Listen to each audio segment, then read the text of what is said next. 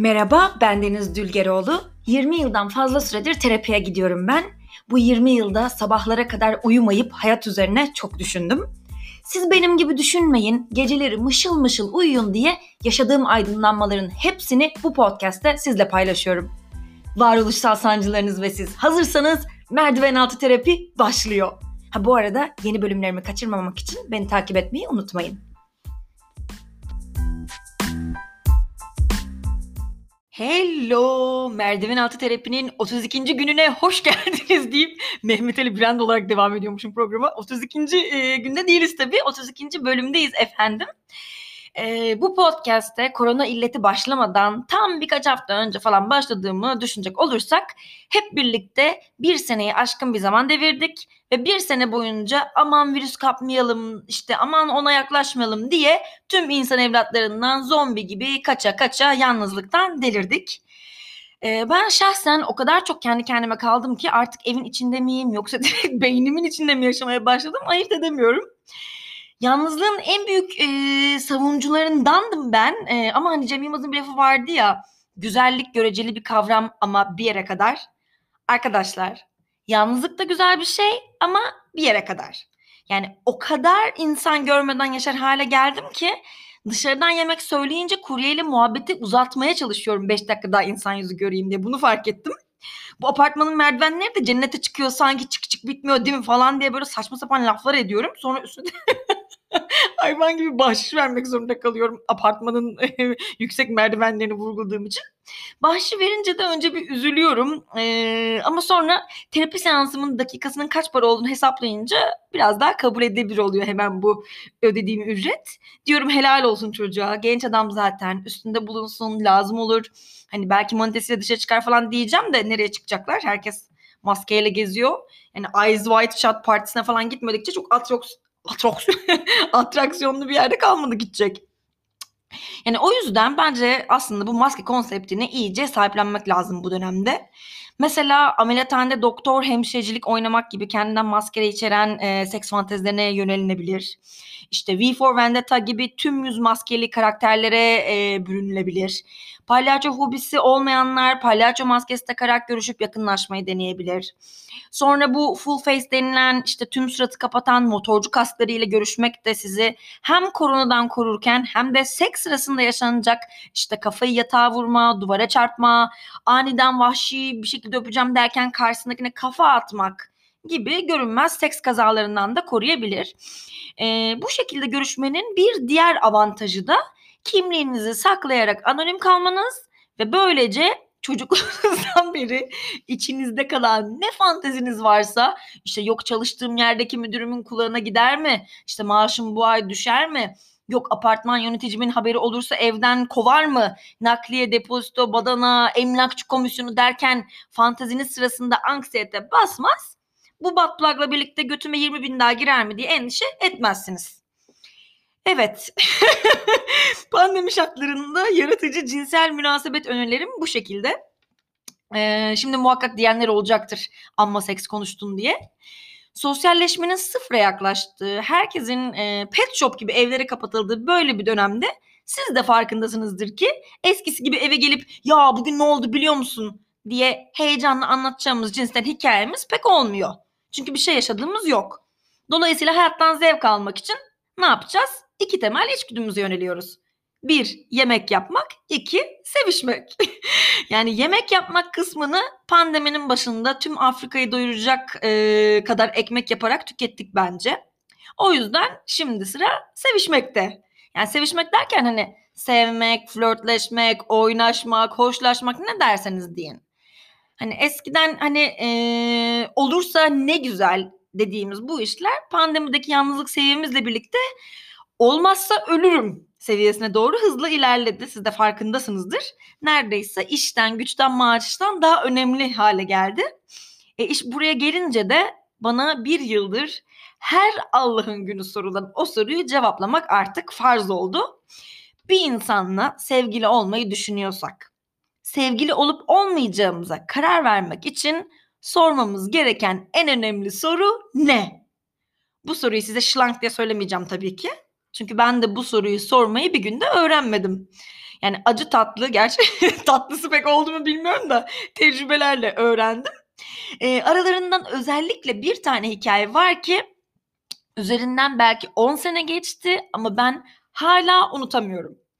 Bir insanla sevgili olma konusunda acele etmemeyi ben bu hikayem sayesinde öğrenmiştim. Neyse siz de daha fazla merakta bırakmadan hikayeme başlıyorum. Evet, bundan sanırım 10 sene kadar önce ben diş hekimliğini bitirmiş, çene cerrahisi doktorasının ilk senesinde doktoraya kapağı attığı için acayip keyfi yerinde tamam ya artık yolumuz belli cerrah olup şıkır şıkır yaşayacağız diye düşünen hayatın onun için yaptığı planlardan habersiz naif mi naif genç mi genç bir bireydim. E, doktoraya daha yeni girdiğim için hani o üniversiteye ilk kapağı altındaki coşku vardır ya o coşkudan vardı üzerimde. Hani okula girdik artık daha yıllar var önümüzde stres yapmaya hiç gerek yok onu gelecekteki Deniz düşünsün. Şimdiki Deniz'in tek derdi hayatın tadını çıkarmak. Zaten her gün sabahın 8'inde hastanda olup hasta bakmaya başlamak işte ameliyatlara girmek falan yeterince bir yani büyük bir işkenceydi benim için.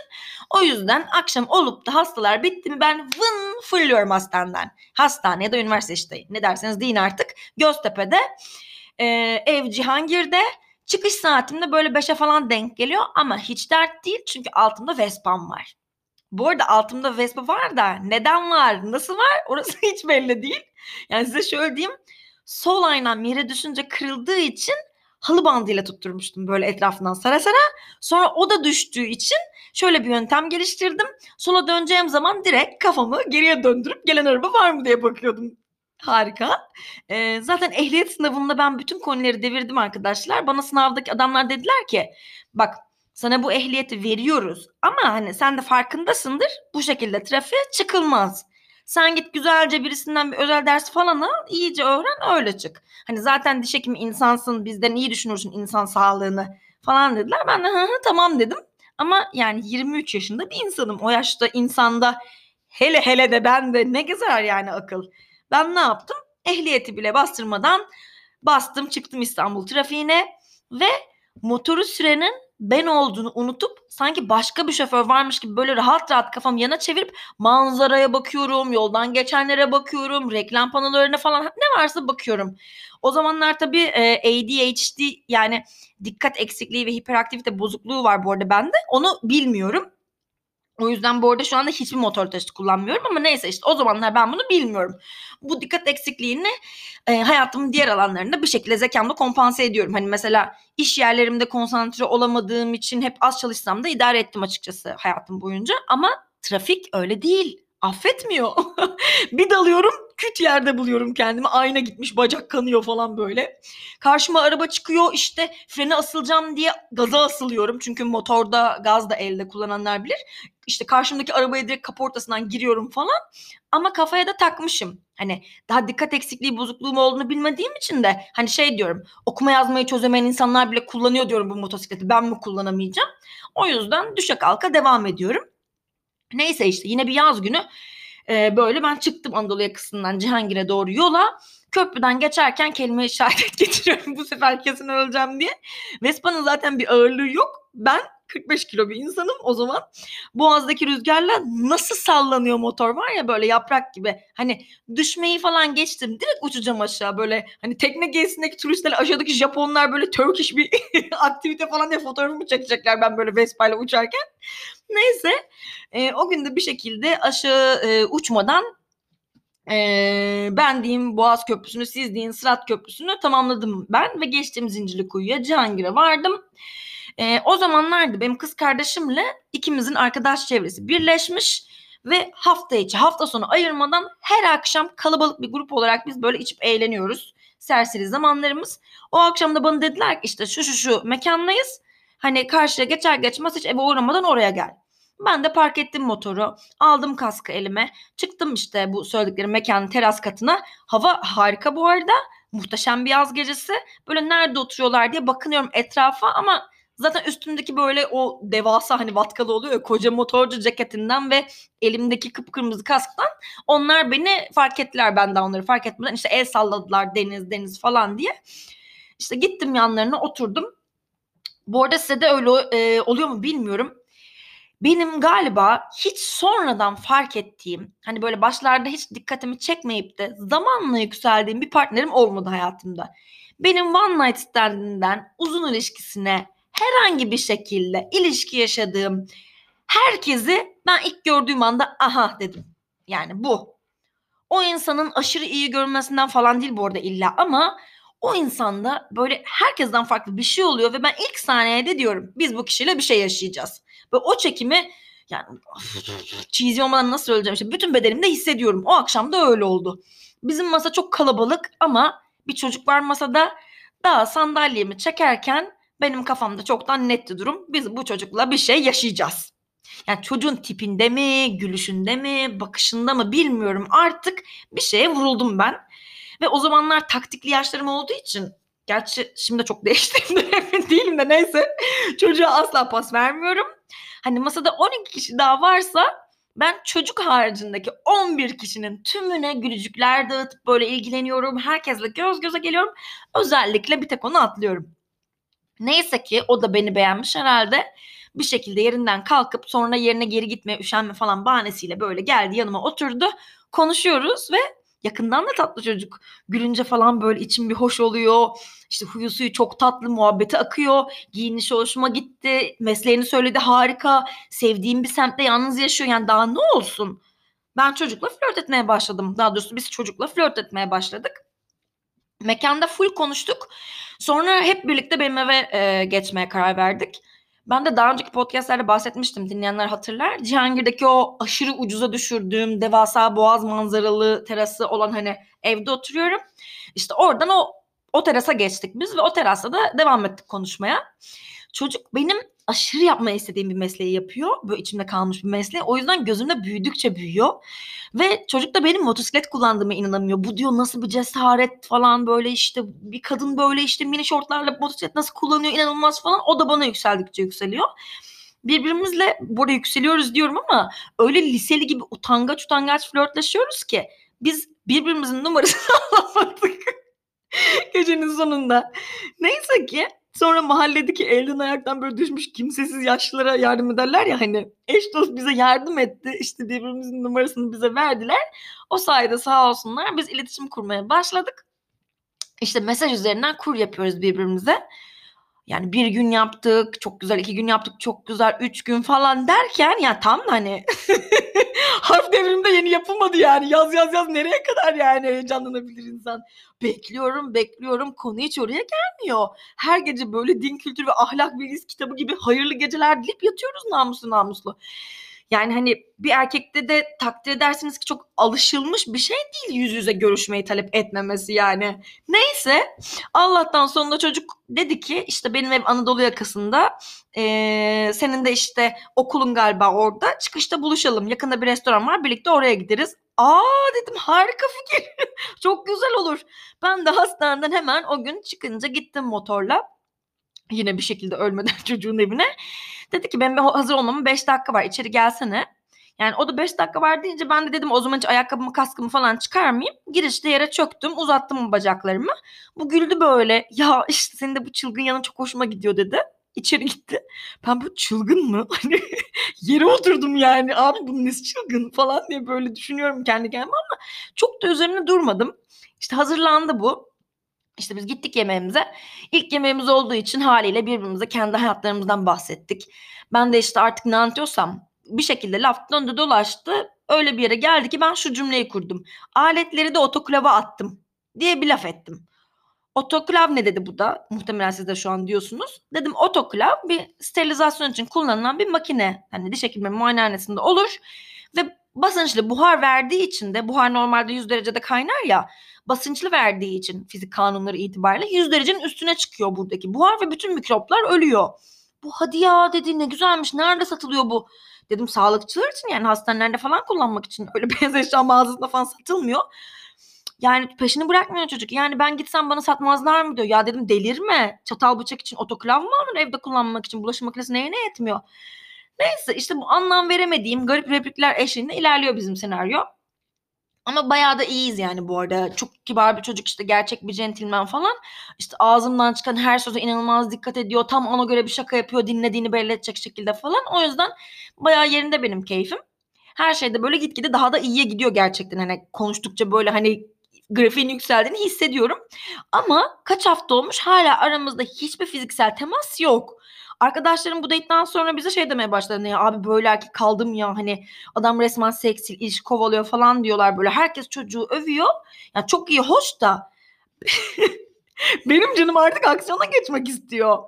Neyse böyle günler o date'den sonra da geçip giderken sonunda bir gün dedi ki bana gelsene yemek yeriz. Dedim yemez miyiz? Tabii yeriz. Çıktım gittim evine koşa koşa. Bu sefer girişte oturmak yerine ayakkabıları da çıkardım. Daha çıkarmamla ayağıma terlik uzattı çocuk. Dedim hiç gerek yok yani senin evin zaten benim çoraplarımdan bile temiz. Yani evi görmeniz lazım. Bir parlıyor böyle hani gerçekten abartmıyorum. Eğilseniz o marmerdeki yansımanıza bakarak makyaj yapabilirsiniz. Öyle bir hani şey böyle sanki bir müze temizliğinde. Hayatımda böyle bir hetero erkek evi görmedim ben. Hani belli ki çocuk ben geleceğim diye heyecanlanmış. Her yeri baldok yala yapmış ve acayip hoşuma gitti bu durum. Sonra işte pizza söyledik dışarıdan. Üstüne de kahve ikram etti. Kahvem bitince ben tabii ki kibar bir misafir olarak bardağımı mutfağa götürdüm. Bulaşık makinesini açıp yerleştiriyordum ki tak tak tak tak diye çocuk peşimden tazı gibi koşup daha ben koyamadan elimden kaptı bardağı. Bulaşık makinesinin kapağını kapattı ve bardakları alıp lavabonun içine koydu. Ya dedi sen dedi neden zahmet ediyorsun? Ay dedim ben artık bu nasıl bir centilmen demek dedim varmış Orta Doğu'da böyle gözden kaçmış nadide Avrupa DNA'sı serpintili erkekler ve ben orada başladım çocuğu öpmeye. Çocuk da zaten dünden razıymış. Bayağı böyle biz duvardan duvara öpüşü öpüşü koridorda gidiyoruz. Koridorun en sonuna kadar geldik. Koridorun en sonunda da yatak odası var. Ee, girdik biz odaya, çıktık yatağın üstüne. Dizlerimizin üzerinde ayakta öpüşüyoruz böyle kafalarımız ellerimizin içinde öpüştükçe öpüşüyoruz. Hani çoğu kadın sever ön sevişmenin uzun olması şimdi Allah için. Ben de sevmem çat diye olaya girmeyi ama 10 dakika oldu bir aki hani 15 dakika bile olmuş olabilir biz hala öpüşüyoruz. Ve arada bir ben böyle hamle yapacak gibi oluyorum çocuğu şöyle yastıklara doğru yatırmak için. Çocuk da hemen geri bir hamle yapıyor, engelliyor. Böyle yağlı güreş yapar gibi ikimizin eli birbirinin kafasında dizlerimizin üstünde biz boğuşuyoruz yere ayakta bir şekilde. Bu iş bir yere bağlanacak mı diye artık ben böyle içimden düşünürken çocuk birden yataktan indi. Etrafından dolaştı yatağın. Yanıma geldi. Hani böyle düğünden sonra gelini odaya çıkaran böyle damatlar gibi aldı kucakladı beni. Yatak odasından çıktık koridorda gidiyoruz. Dedim cidden romantik çıktı bu çocuk. Artık mutfak tezgahına mı gideceğiz? İşte salon masasında mı bir şey yapacağız? Derken banyoya girdik. Dedim süper duş harika. Beni bıraktı yere duşakabine girdim. Bu duruyor kenarda. Ben de bakıp gülümsüyorum hani hadi sen de gel falan anlamında. Baktı baktı bana dedi ki ya rica etsem ayaklarının altını iyice olarak yıkar mısın? Bütün akşam evde terliksiz gezdin. Ben o pisliği düşünmekten odaklanamıyorum. Bu çocuk bana böyle dedi. Ve ben galiba şok geçirdiğim için hiç aklıma ne diyorsun be falan deyip evden çıkıp gitmek gelmedi. Çocuk klozetin üstüne oturmuş beni izlerken ben duş jelini elime döküp köpürte köpürte ayaklarımı yıkadım. Çocuk da iyice görsün icraat etsin diye. Çocuk da beni izledi. Böyle bayağı parmak aralarım falan olmamı, zaten temiz olan ayaklarım iyice temizlememi.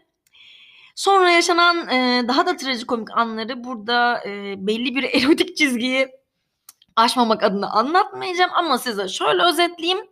Kendisi bir temizlik bağımlısıymış. Yere oturmamı çılgın bulması, otoklav denilen alete olan inanılmaz ilgisi, bulaşıkları hep kendi yıkamak istemesi ve o evinin Louvre Müzesi gibi tertemiz olması hep bundanmış. Ve tahmin ve e, takdir edersiniz ki kendisi insan sıvılarının yani cinsel organ sıvılarının birbirine değmesinden de pek hoşlanmıyormuş. E, dolayısıyla ortalama bir insan için hani lağımda bok içine yuvarlamak ne kadar zevkliyse cinsel birleşme fikri de kendisi için o kadar heyecanlandırıcı bir fikirmiş. E, tabii haliyle biz o günden sonra kendisiyle yollarımızı kibarca ayırdık. E, kendisi her türlü sıva, te, sıvı temasından uzak e, kuru yaşam alanına döndü. Ben de ıslanmaktan korkmayan bireylerle yoluma devam ettim. Ve ben bu hikayeden sonra şunu öğrendim. Bir ilişkinin ilk zamanlarında hepimiz birbirimize en ilgi çekici, en gurur duyulası, en şahane yanlarımızı gösteriyoruz.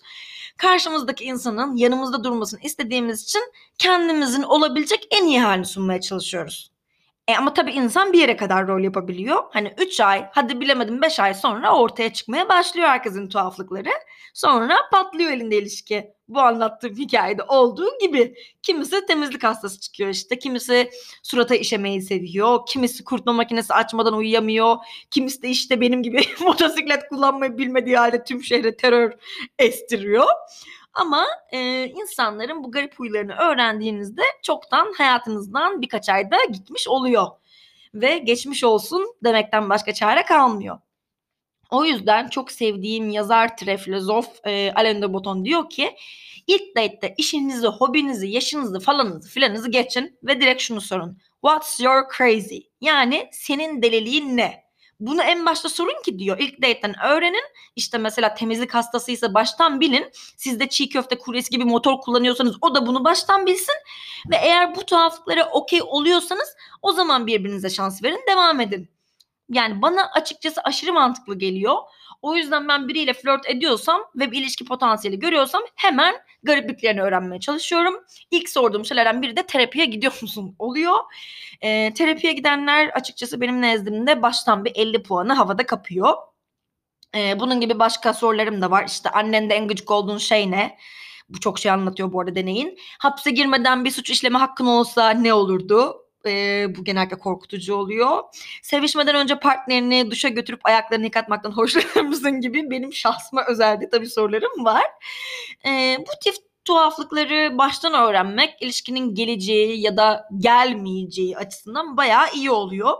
Eğer bu fikir aklınıza yattıysa ben de bir insanda vaktimi harcamadan önce bütün garipliklerini öğrenmek isterim derseniz bu arada şimdi reklam geliyor. Size OK Cupid'i tavsiye ediyorum canı gönülden. Bu bir dating yani e, Türkçe ne deniyor işte flörtleşme, tanışma uygulaması. Ama diğerlerinden farkı şu. Bunda kaydolurken çok ilginç sorular cevaplıyorsunuz. Çok ilginç derken gerçekten çok ilginç sorulara baktım ve şimdi size seçtiğim bazılarını okuyacağım. Bu arada seçemediğim daha da iyileri var. E, potansiyel bir partnerle mesajlaşırken doğru dil bilgisi ve yazım kullanmak senin için önemli mi? Aha D'leri dağları ayıramayanlar gitti. Benim gibi mesela bu konuda takıksanız çok iyi bir soru. Çocuk ister misin? Bakın bunu öğrenmek genelde en az 6 ay sürüyor ve ciddi bir ilişki için çok önemli. Bence o yüzden en başından bunu bilmek harika. Bulaşıklıkları, bulaşıklıkları değil tabii bulaşıkları ne sıklıkla yıkarsın? Yani şahsen ben bulaşığı anında yıkamayanla e, imkan yok. Aynı evde yaşayamam. O yüzden çok önemli benim için. Sabah insanı mısın diye bir soru var mesela. Ben akşama kadar uyuyanı uykusuna kapının önüne koyarım arkadaşlar. Bir daha da almam eve. Ee, uzun süreli bir ilişki içindeki bir çiftin ortak banka hesabına sahip olması konusunda ne düşünüyorsun? Çok derin bir konu. Benim daha önceki bir ilişkimin çatırdamasına sebep olmuştu. O yüzden bunu da baştan öğrenin derim. Kendini bir feminist olarak görüyor musun? Buna hayır diyen kapımdan giremez. Podcast dinliyor musun? Buna hayır diyen sokağımdan bile geçemez. ne sıklıkla selfie çekiyorsun? Ee, buna her gün diye cevap veren insan hakkında ben bir oturur düşünürüm şahsen. Ne sıklıkla duş alırsın? Bu soruya her gün demeyenlere aşk hayatına başarılar diliyorum arkadaşlar. Yani e, bence uygulamaya girmeden önce bu alışkanlığı değiştirip her gün duş almaya başlasanız şansınız bayağı artar. E, partnerinle seks videosu yapmayı hiç düşündün mü? Burada e, Kim Kardashian vari bir gelecek e, kariyer hedefleyenler için bu da güzel eleyici bir cevap. E, partnerin sen oradayken başkasıyla flörtleşseydi canın sıkılır mıydı? İşte lisede sana çok sataşan oldu mu? Zorbalıkla ilgili güzel bir soru. Evliliği düşünmeden önce bir çiftin birlikte yaşaması gerektiğine inanıyor musun? Arabası olmayan biriyle çıkar mısın? Hiç nude gönderdiğin oldu mu? Gibi bence bir insanı en başından tanımanıza yardımcı olacak yüzlerce soru var ve bir insana bu soruların hepsini yüz yüze sormanız imkansız yani ee, gerçekten sormaya kalkarsanız saatler sürer ve birisi bunu yapmaya kalkarsanız da kabul edeceğinizi zannetmiyorum böyle bir sorgulamayı. O yüzden hani diğer dating uygulamalarını sadece fotoğrafına bakıp sağ sol yapıyorsunuz ve huyu suyu nedir bilmeden buluşuyorsunuz ya eğer en baştan kriterlerinize uymayanları eleyip paşa gönlünüze göre birini bulmak isterseniz ve kendinizi ilk öpüşmede duşakabinde ayak yıkarken bulmak istemiyorsanız okey Cupid'i indirip deneyebilirsiniz. Bu arada ben soruları çok sevdim. E, Deniz bu sorulardan bazılarını Instagram'dan yayınla biz seçelim.